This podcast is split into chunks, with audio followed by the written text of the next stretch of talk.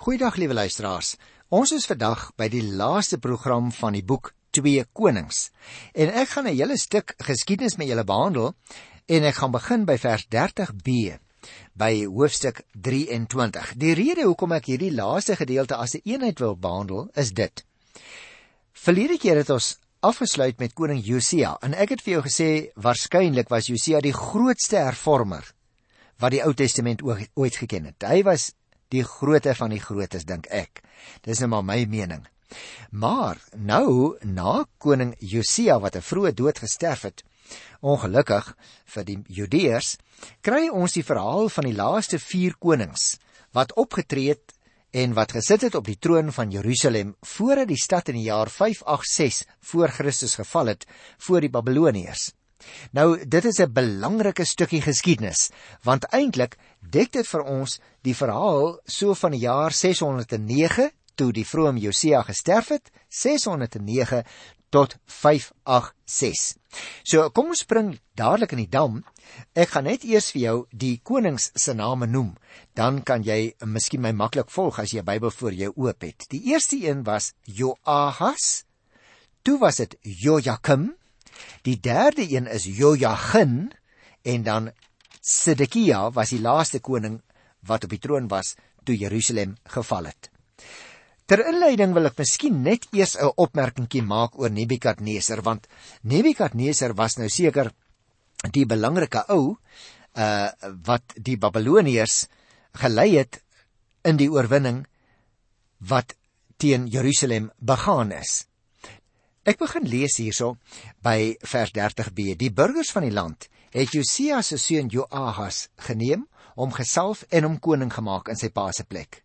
Joahas was 23 toe hy koning geword het. Hy het 3 maande in Jerusalem geregeer. Joahas het gedoen wat verkeerd was in die oë van die Here en in alles die voorbeeld van sy voorvaders gevolg. Nou jy sien luisteraars, dit gaan ons nou kry van hierdie laaste 4 konings telkens en dit was in die tyd van Nebukadneser. En daarom wil ek net een sinnetjie voorlopig lees uit die 24ste hoofstuk by vers 11 staan daar. Nebukadneser het self na die stad toe gekom terwyl sy soldate dit beleer het. Nou, dis 'n belangrike opmerking wat jy sien. Nebukadneser het al nader gekom met sy leer aan Jerusalem en hy het 'n groot aantal amptenare en soldate en vakmanne en smede in ballingskap weggevoer uiteindelik. Ook die profeet Esegiel is saamgevat. Op hierdie stadium was hy 'n priester. Maar ek gaan nog Esegiel as ek daar kom met jou behandel, maar daardie boek Esegiel in die Ou Testament het sy naam gekry van 'n priester met die naam van Esegiel wat op hierdie stadium weggevoer is hier uit Jerusalem. Ons moet ook onthou met die wegvoering van die soldate wou Nebukadneser enige moontlike toekomstige militêre opstand uit die weg probeer ruim. Die elite was sterk anti-Babilonies natuurlik en deur hulle wegvoering is hulle invloed uitgeskakel. Juda is uiteindelik van al sy leiers en sy intellektuele mense beroof. Nebukadneser wou naamlik verseker dat hy enige poging tot versek die nek sou inslaan. Met Juda se vakmanne in ballingskap sou die land in 'n staat van armoede en magteloosheid agtergelaat word uiteindelik. En daarom is dit so 'n vreeslike hartseer verhaal. As ons dus begin hierso met Joahas, het ek vir jou gesê, hy was in 609 het hy op die troon gekom en na die dood van Josia het die burgers van die land inisiatief geneem en hulle salf een na die ander koning wat nie die Here gedien het nie. Joahas se koningskap om die waarheid te sê is juis gekenmerk deur 'n vyhandige houding teenoor Assirië en Egipte. Farao Neko van Egipte het dit besef en daarom het hy Joahas ontroon en hy het die land beboet. En hier was die eerste gevolg van hierdie eerste ou wat so afgewyk het van sy pa Josia se hervorming. Joahas moes nou begin belasting betaal want die land word deur die Egiptenaars beboet. En om die belasting te kon betaal moes ook sy opvolger Jojakim dis nagies die Bybel noem hom ook soms Eljakim en dit maak ou heeltemal die mekaar nê moes Jojakim die onderdane in Juda baie swaar aanslaan. Nou kom ons lees 'n bietjie oor hierdie Jojakim hier by Hosea 23 van vers 35 luister. Jojakim het die goud en die silwer aan die farao betaal Om te betaal wat die farao geëis het, moes hy die land aanslaan. Hy het die goud en die silwer van die burgers van die land geëis, van elkeen volgens sy aanslag en dit aan farao Neko van Egipte betaal. Jojakim was 25 toe hy koning geword het. Hy het 11 jaar in Jerusalem regeer en dan kry ons daar 'n bietjie gegevens oor sy familie. Jy sien luisteraar, Farao Neko van Egipte land het 'n groot som geld geëis en ou Jojakim moes 'n belasting hef om dit te betaal want baie van die skatte is alreeds weggegee gewees op daai stadium. Nou gedurende sy bewind het Babelonie ook die oorhand oor Egipte gekry en Jojakim het nou ook onderdanig geraak. Na 3 jaar kom hy nou in opstand. Hoe dom was hy tog, né? Voorlopig het Babelonie roofbendes teen Juda begin inspann. Die boekonings stel dit vir ons baie duidelik dat dit eintlik die Here was wat hierdie aanvalle laat plaasvind het. Met ander woorde, die Bybelskrywer wil vir ons sê, maar dis omdat hulle nie die Here gedien het nie dat hy hulle begin straf het, maar hulle het dit nie agtergekom nie. Hulle het net die hele ding verpolitiseer en nie gevra wat wil die Here vir ons sê nie. En daarmee luisteraars, wil die Bybel vir ons sê dat die reeks rampe wat Juda sou tref, so een na die ander nie toevallig was nie. Of omdat God nie by magte was om dit af te weer nie, maar juis omdat dit God se oordeel was. Daarom word dit beskryf. Nou tydens hierdie rebellie dan sterf koning Jojakim en word hy opgevolg deur sy seun Jojagin. Nie dat dit nou enigsins beter sou gaan nie. Jojagin het 'n klein rukkie uh maar net geregeer. Kom ek lees hier by Hosea 24 van vers 8, net so 'n paar versies, so 2 of 3. Jojagin was 18 toe hy koning geword het. Hy 3 maande in Jerusalem geregeer. Sy ma se naam was Negusta, dogter van Elnatan uit Jerusalem. Luister nou. Jojagin het gedoen wat verkeerd was in die oë van die Here. Hy het aan alles die voorbeeld van sy pa gevolg. In die tyd het die leer van koning Nebukadneser van Babel 'n aanval op Jerusalem begin en die stad beleer. Nou luisteraar Jojagin moet nou eintlik die wraak van Babelonie ontgeld. Hy was die derde oune want Joahas het al afgedwaal. Jojakim, sy pa het afgedwaal. En nou hierdie Jojagin uh reageer nou maar net 3 maande, lees ons. En hierdie spoedige kapitulasie lei waarskynlik tot minder drastiese strafmaatreëls. Met ander woorde, as hy nou oorgee sê hy vir homself aan die Babiloniërs, dan sal hulle miskien nou nie so kwaai met my wees nie. nou ja, Jojagin, uh die koninklike familie die hofamptenare, die leiers in die gemeenskap, die troepe en 'n duisend vakmanne en smede word nou in die jaar 597 voor die groot ballingskap alreeds weggevoer. Met ander woorde, ons moet dit mooi verstaan luisteraars, ek dink baie keer besef ons nie wat hier gebeur nie. Dit beteken dat 11 jaar voor die groot ballingskap van 586 is hierdie Jojagin alreeds weggevoer na Babel toe hy met 'n hele klomp van die politieke leiers in die land, ook met ouens wat leiding geneem het by die tempel, tog? Tog was dit nie Nebukadneser se doel om die stad te verwoes nie. En daarom stel hy nou Matanja uit die Dawidsgeslag aan as koning en hy noem hom Sedekia. Nou moet jy baie mooi oplet wat hier gebeur, liewe luisteraars. Dit is omtrent 11 jaar voordat Jerusalem val voor die Babiloniërs, hoor.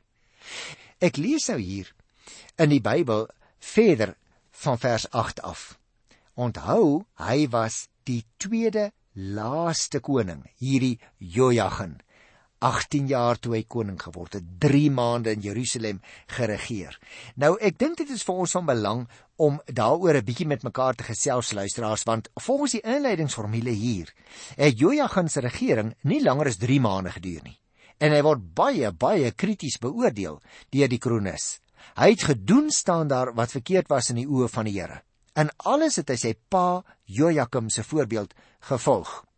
In die tyd lees ons in die 10de vers en dit word in vers 12 nader aangedui as die 8ste jaar van sy regering. Dit is die jaar dat Nebukadneser weer eens voor die poort van Jerusalem staan, die jaar 597 voor Christus, soos ek jou net nou verduidelik. Nou wil ek dadelik sê luisteraar, dit is nie vir ons heeltemal seker waarom hy Jojagin wou straf nie. Dalk wou hy hom straf omdat hy soos sy pa Jojakim teen Babel in opstand gekom het. Jojagin besef dat die oormag oorweldigend is en dat dit eintlik te vergeefs is om hom te verset saam met sy mense. En daarom gee hy hom nou oor en hy verlaat die poort in die geselskap van die koningin moeder, die leiwagte en ander amptenare. En eintlik moet ek nou sê, dit was 'n baie verstandige optrede, hoor. Want hierdeur het hy sy eie lewe gespaar en het hy ook verhoed dat die hele stad se mense uitgemoor sou word en dat die stad boonop verwoes sou word. Dis interessant. Daar's 'n buitebybelse geskiedskrywer, ek het al vir jou sy naam van tevore gesê met die naam van Flavius Josephus.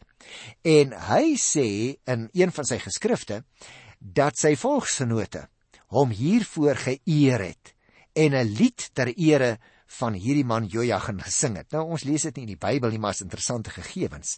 Dit wil wel voorkom asof Jojagin tydens sy jarelange gevangenskap in Babel baie voordele geniet het. Hy was omring van sy eie mense daar in Babel, want die hele klompie is saam met hom weggevoer net daar uit die paleis. Sy kinders is in die tyd uh gebore, sommige van hulle daar in Babel. En volgens die Babiloniese dokumente wat opgegrawe is, is hy en sy familie uit die koninklike voorraadkamers onderhou, sodat dit eintlik nie te sleg met hom gegaan nie. Nebukadneser het hom baie goed behandel. Dit bring my dan by die laaste koning voor die val van Jerusalem en sy naam was Sedekia. Sommige mense noem hom ook Sedekia, maar nou ja, die uitspraak van sy naam is vir ons verlore en dit is ook nou nie van soveel belang nie. Ek gaan 'n kort gedeelte net lees hier van Hosea 24 in 2 Konings van die 18de vers af. Sedekia was 21 toe hy koning geword het. Hy het 11 jaar in Jerusalem geregeer. Sy ma was Gamital, 'n dogter van Jeremia uit Libna. Sedekia het gedoen wat verkeerd is in die oë van die Here en alles die voorbeeld van Jojakim, die goddelose een gevolg. Die toren van die Here, let nou baie mooi op, uh, luisteraars, dit is die toren van die Here was op Jerusalem en Juda. Hy wou hulle wegvee uit sy teenwoordigheid uit. Sedekia het 'n opstand gekom teen die koning van Babel. Kan jy jou die dwaasheid voorstel? En in die 9de regeringsjaar van Sedekia, op die 10de dag van die 10de maand, het koning Nebukadneser van Babel met sy hele leer met 'n aanval op Jerusalem begin. Hy het kamp opgeslaan by die stad en 'n beleringswal rondom die stad gebou. Nou ek wil hieroor nou eers so 'n bietjie gesels luisteraars want hier is ons in 'n sekere sin hoewel dit 'n laagtepunt is baie baie baie belangrike oomblik in die geskiedenis van oud Israel. Ek dink een van die heel belangrikste hoor. Na enkele jare het Sedekia naamlik teen Babel in opstand gekom en hy het 'n koalisie met ander volkere gevorm. Nou ek het dit nie hier gelees nie. Nou kan jy sê broer Jan, hoe weet jy dit? Gaan kyk in Jeremia 27 en 28 en dan sê jy sien hoe dat hierdie Sedekia probeer het om met sekere ouens 'n koalisie te vorm. Tussen hakies, ek wil net vir jou sê Jeremia het ook op hierdie kritiese tyd van die geskiedenis opgetree in Jerusalem. Hy was 'n stadsprofeet. Die Here het selfs hom gesê mag nie kinders hê nie, hy mag nie trou nie, want die land gaan val. So Jeremia gee vir ons in sy beskrywing baie belangrike inligting in Jeremia 27 en 28, maar ek wil nou nie te veel daarvan uh uh op hierdie stadium behandel nie. Om presies te wees luisteraar, laat ek 'n lang storie kort maak. Op 26 Desember in die jaar 589 voor Christus het Nebukadneser die stad onder belegge geplaas nadat al die versterkte stede na die noorde eers verwoes is. Na 'n beleg van ongeveer 18 maande was die hongersnood in die stad ondraaglik.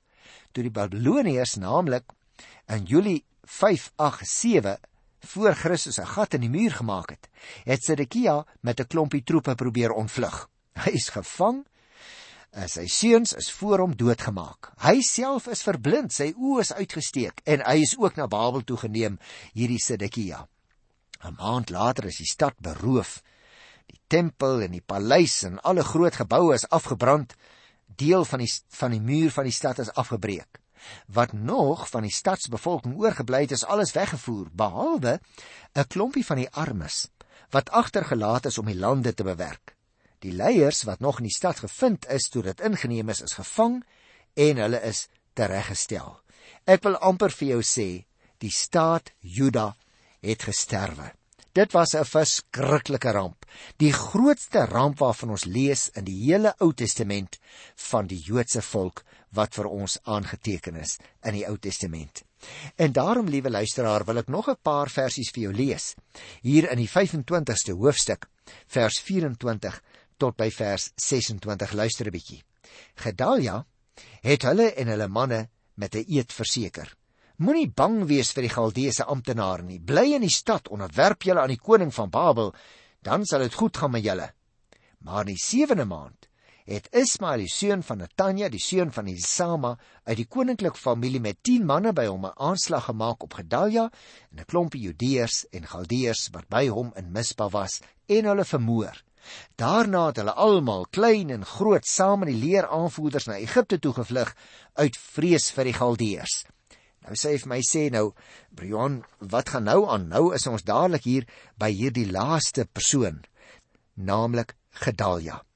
Jy sien wat nou gebeur het in die tussentyd, liewe luisteraar, is dat Sedekia nou weggevoer is. Nou net vir julle gelees hoe dat hy uh sy oë verloor het en toe weggevoer is. Toe doen die Babiloniërs 'n baie vreemde ding.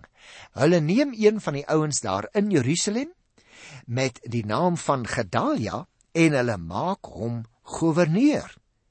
Nou moet ons hieroor gesels want jy sien die boek 2 Konings eindig dus met 'n kykie in die omstandighede van die agtergeblewe mense in Juda. En in die situasie van die ballinge word daar nou vir ons as dit ware 'n laaste prentjie geteken. En dis 'n troostelose prentjie hoor. Maar tog is daar ook iets hoopvols. Want die Babiloniërs het 'n klompie mense agtergelaat om die land te bewerk. Hulle getalle is versterk deur 'n groep uit die pro-Babiloniese party en diegene wat gevlug en weggekruip het tydens die oorlog. Hulle administrasie is nou weer begin, bestaande uit Judeërs en verteenwoordigers van Nebukadneser van Babel. En dit is nou in hierdie situasie dat Gedalia, die seun van Safan, wat 'n hoë Davidiese hofamptenaar destyds was, as goewerneur aangestel is. Hy het die Judeërs aangemoedig om hulle aan Babel te onderwerp. Jy begryp dus wat gebeur? Hulle vat hierdie jong man wat pro-Babilonies is en hulle gee hom 'n baie belangrike pos. Hulle sê, "Hoorie, jy kan nou die gouverneur wees oor Jerusalem. So jy moet nou bietjie die beheer uitoefen." Daarom lees ons nou ook, hy het die Judeërs aangemoedig om hulle aan Babel te onderwerp. Maar nou kom daar skielik uit die bloute 'n ander man op die toneel met die naam van Ismael. Hy was 'n lid van die Dawids geslag. Hy het wel baie sterk leiersaspirasies gekoester en daarom kan mens jou voorstel, het hy 'n klompie aanhangers geha gehad. Ons lees in hierdie gedeelte hy en 10 van sy makkers vermoor nou hierdie gouverneur wat deur die Babiloniërs aangestel is en lede van die administrasie word om die lewe gebring en hulle ontvoer die inwoners van 'n klein dorpie bietjie verder na die noorde van Jerusalem naamlik Mispa. Nou hierdie Ismael slaag nou daarin om te ontsnap. Hy word met ander woorde nie saam weggevoer na Babel toe nie. Die Judeërs luisteraars was so bang vir die wraak van Nebukadneser dat hulle na Egipte toe wou vlug want dit is suidwaarts. En Jeremia met hulle saamgeneem het. Nou hierdie geskiedenis gaan ek weer met jou behandel later. In detail kom dit dus daarop neer. Dat daar 'n groepie mense is wat sê ons gaan ons nie onderwerp aan die Babiloniërs nie. En hulle leier met die naam van Gedalia vang dan onder andere vir Jeremia. En hulle sê: "Hoorie so Jeremia, hoekom is jy nie weggevoer nie? Is jy 'n verraaier of hoekom het hulle jou nie doodgemaak nie?" Maar Jeremia bly met sy boodskap getrou aan die Here en hy sê onderwerp julle. Dit is die straf van die Here oor die stad. Ons moet ons aan die Here onderwerp. Maar die ouens wil dit nie doen nie. Gevolglik neem Ismael vir Jeremia gevange nog so 'n paar anders ouens en hulle vlug suidwaarts. Jeremia bly by hulle protesteer en sê ons moet hierdie straf as die tugroede van die Here oor ons beskou ons kan nie vlug nie maar hulle het geen genade vir die arme ou profeet nie. Uiteindelik, daar dit gaan ek nou nie vandag vir jou verder vertel nie, maar uiteindelik het hulle suidwaarts gevlug tot in die Nyl Delta in Egipte, want hulle het gedink daar sal hulle veilig wees. En luisteraars, mag ek net 'n oomblik voor uitgryp. Wie jy daar in die Nyl Delta hoor ons tog vir oulaas die pleitende stem van die profeet Jeremia wat hulle sê hoor hierso selfs hier in die Nyl delta gaan die troon van die koning van Babel nog staan in die toekoms. Onderwerp julle aan die Babiloniërs. Kom laat ons teruggaan want dis die straf van die Here. En dan word Jeremia se stem stil daar in die Nyl delta. Daar's 'n baie ou 'n stuk tradisie wat sê sy eie mense het hom met 'n houtsaag middeldeur gesaag daar in die Nyl delta want hulle wou nie na hierdie profeet luister nie. Hulle wou nie hulle self onderwerp aan die tugroede van die Here naamlik die Babiloniërs nie. Maar goed daar in Babel lees ons hier van die 27ste vers af tot by vers 30 sterf Nebukadneser en sy opvolger verlig die lot van sommige van die gevangenes. Om presies te wees op die datum 12 Maart 560 voor Christus het hy Jojagin vrygelaat om 'n hoër status as die ander konings gegee en hom vanuit die paleis self onderhou. Dis interessant, liewe luisteraars, en daarmee wil ek eintlik afsluit vir vandag hierdie bevoordiging van hierdie Jojagin. As 'n mens net van ellende en sonde en skuld verneem, Wat kan daar dan nog van die toekoms verwag word? Seker nie veel nie hoor. Die skrywer praat dan ook nie hier aan die einde van die koningsboek die mense juis enige moed in nie hoor. Hy sê ook niks van die toekoms nie. Tog het ek by die begin van die program vir jou gesê, tog is daar 'n baie klein sprankie hoop. Hoekom sê ek dit? Luister. Die skrywer sê dat Ewel Merodak, die koning van Babel, vir Jojagin, die oud koning van Juda, vrygelaat het. En dit luisteraars, dit is die strooi halm waaraan hy in die geloof vashou. Is dit nie dalk die teken dat die Here hom weer na sy volk sal wend, weer met hulle iets nuuts sal begin nie? So droom die skrywer van die boek 2 Konings. En die toekoms luisteraars, die toekoms sou bewys dat sy hoop nie vergeefs was nie. Volgende keer so die Here wil, gaan ek begin met die boek Romeine. Ek het dus vandag gekom aan die einde van die boek 2 Konings. Ek gaan uh, dit 'n bietjie afwissel deur 'n Nuwe Testamentiese boek te doen volgende keer. So jy kan so lus so lank in die boek Romeine lees. Maar as iemand my nou sou vra nou Brian, waaroor het dit nou tog gegaan hier in 2 Konings? Dan wou ek sou ek vir jou wou sê, daar het 'n paar belangrike aspekte na vore gekom. Uh eerstens het ons raak gesien dat dit die tydperk was wat die geskiedenis van Elia, die baie beroemde man, uh vir ons baie kortliks beskryf het in die eerste hoofstuk. Toe het ons gepraat oor die era van Elisa en daarna oor 'n hele klompie van die konings van die twee ryke tot aan die einde van die suidryk waarmee ek dan vandag afgesluit het. Belangrike aspekte het na vore gekom byvoorbeeld God se betrokkenheid by die geskiedenis is daagliks, ook by ons as gelowiges. Ons moet dit nooit vergeet nie. Liewe luisteraar.